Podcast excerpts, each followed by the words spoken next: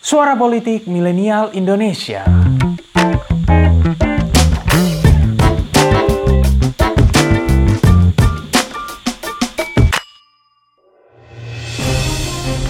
Belakangan ini, masyarakat tengah dihebohkan dengan wacana kembalinya dwi fungsi TNI di tanah air.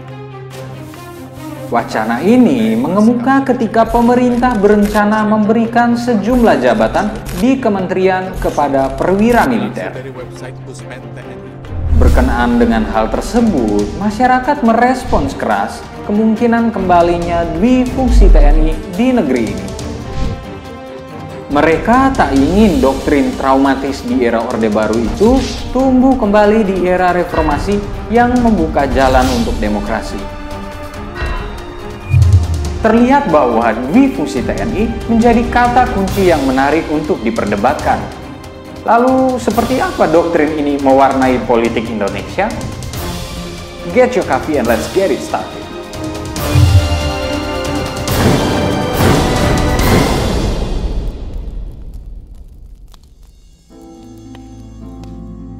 Jika ditarik ke belakang, cikal bakal masuknya militer ke dalam politik kerap dikaitkan dengan Undang-Undang Keadaan Darurat Perang pada tahun 1957. Peraturan ini memungkinkan militer untuk mengeluarkan perintah atau peraturan yang menyangkut ketertiban umum dan keamanan ketika kondisi darurat perang.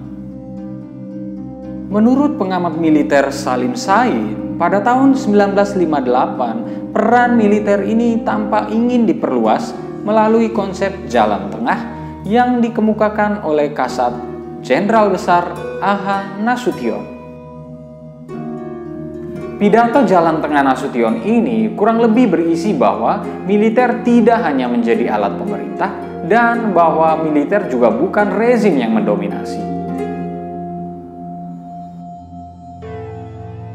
Militer disebut sebagai kekuatan perjuangan rakyat yang bekerja sama dengan kekuatan rakyat lainnya. Para serdadu harus diberikan kesempatan untuk meningkatkan kemampuan militernya, sehingga harus ditempatkan di segala bidang. Doktrin tersebut kemudian semakin menampakkan bentuknya di tahun 1959. Pada masa itu, hampir sepertiga kabinet diisi oleh militer. Ide jalan tengah milik Nasution ini kemudian semakin matang ketika terjadi seminar Angkatan Darat II di Bandung pada tanggal 25 sampai 31 Agustus 1966. Seminar yang dihadiri ratusan tentara ini mengeluarkan kesepakatan bahwa militer diperbolehkan untuk memiliki fungsi sosial politik. Dari sini, konsep jalan tengah milik Nasution menjadi pembuka jalan bagi militer untuk ikut dalam urusan sosial politik di Indonesia. Konsep tersebut baru dimatangkan dan dilegalkan sebagai dwi fungsi di era Orde Baru. Berbagai peraturan dibuat sehingga militer resmi punya dua fungsi, yaitu menjaga keamanan dan ketertiban negara dan memegang kekuasaan serta mengatur negara. Oleh karena itu, tidak heran jika di era tersebut, jika jabatan menteri, gubernur, bupati, dan wali kota dipegang oleh seorang militer aktif. Tak hanya itu, militer juga masuk ke ranah legislatif di mana mereka duduk sebagai fraksi ABRI di DPR RI. Ada pula doktrin kekaryaan di mana anggota militer dikirim ke sektor-sektor non-militer. Kritik terhadap praktik dwi-fungsi kemudian muncul di akhir tahun 1980-an. Kala itu, beragam perubahan sosial seperti semakin kuatnya masyarakat sipil membuat doktrin itu mulai dipertanyakan.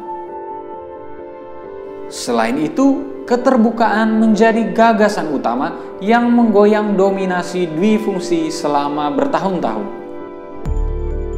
Para akademisi Universitas Indonesia seperti Arbi Sanit dan Miriam Budiarjo mengatakan bahwa idealnya militer bisa dilepaskan dari parlemen untuk menjalankan demokrasi. Meski demikian, pemerintahan Soeharto bergeming dan mengaku bahwa jika militer tidak diberikan jabatan di parlemen, maka mereka akan melakukan kekerasan. Banyak pihak menganggap bahwa fungsi menjadi alat bagi rezim Orde Baru untuk menekan kebebasan sipil di Indonesia.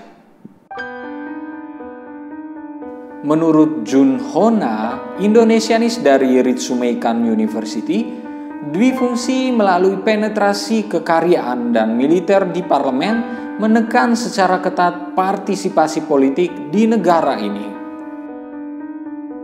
Memang, Praktik fungsi kala itu banyak digunakan untuk menjaga stabilitas dari kebijakan era Orde Baru. Ketika Soeharto akhirnya meninggalkan jabatannya di tahun 1998, doktrin fungsi ini akhirnya dikikis perlahan-lahan. Salah satu langkah pertama yang diambil adalah dengan menghilangkan jatah fraksi ABRI di MPR. Selain itu, Presiden Abdurrahman Wahid kala itu juga memisahkan jabatan Panglima TNI dengan Menteri Pertahanan. Jika diperhatikan, permintaan untuk menghilangkan dwi fungsi ini sesuai dengan profesionalisme militer yang disebutkan oleh Samuel Huntington. Melalui pandangan seperti ini, di negara-negara demokrasi, militer seharusnya kembali ke barak dan mendapatkan kontrol dari sipil. Hal ini jelas berbeda dengan doktrin fungsi yang memberikan keleluasaan kepada para serdadu untuk melakukan pengaturan di negeri ini. Berdasarkan kondisi tersebut, terlihat bahwa fungsi militer yang memiliki sejarah panjang itu banyak dikritik dan bahkan tak diinginkan. Doktrin itu selalu identik dengan upaya Soeharto menjaga stabilitas kekuasaannya. Jika sudah begini, perlukah dan mungkinkah dwi fungsi kembali di era saat ini?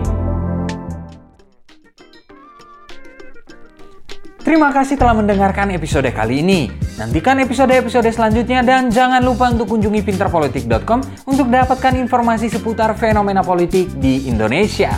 See you next time and bye bye.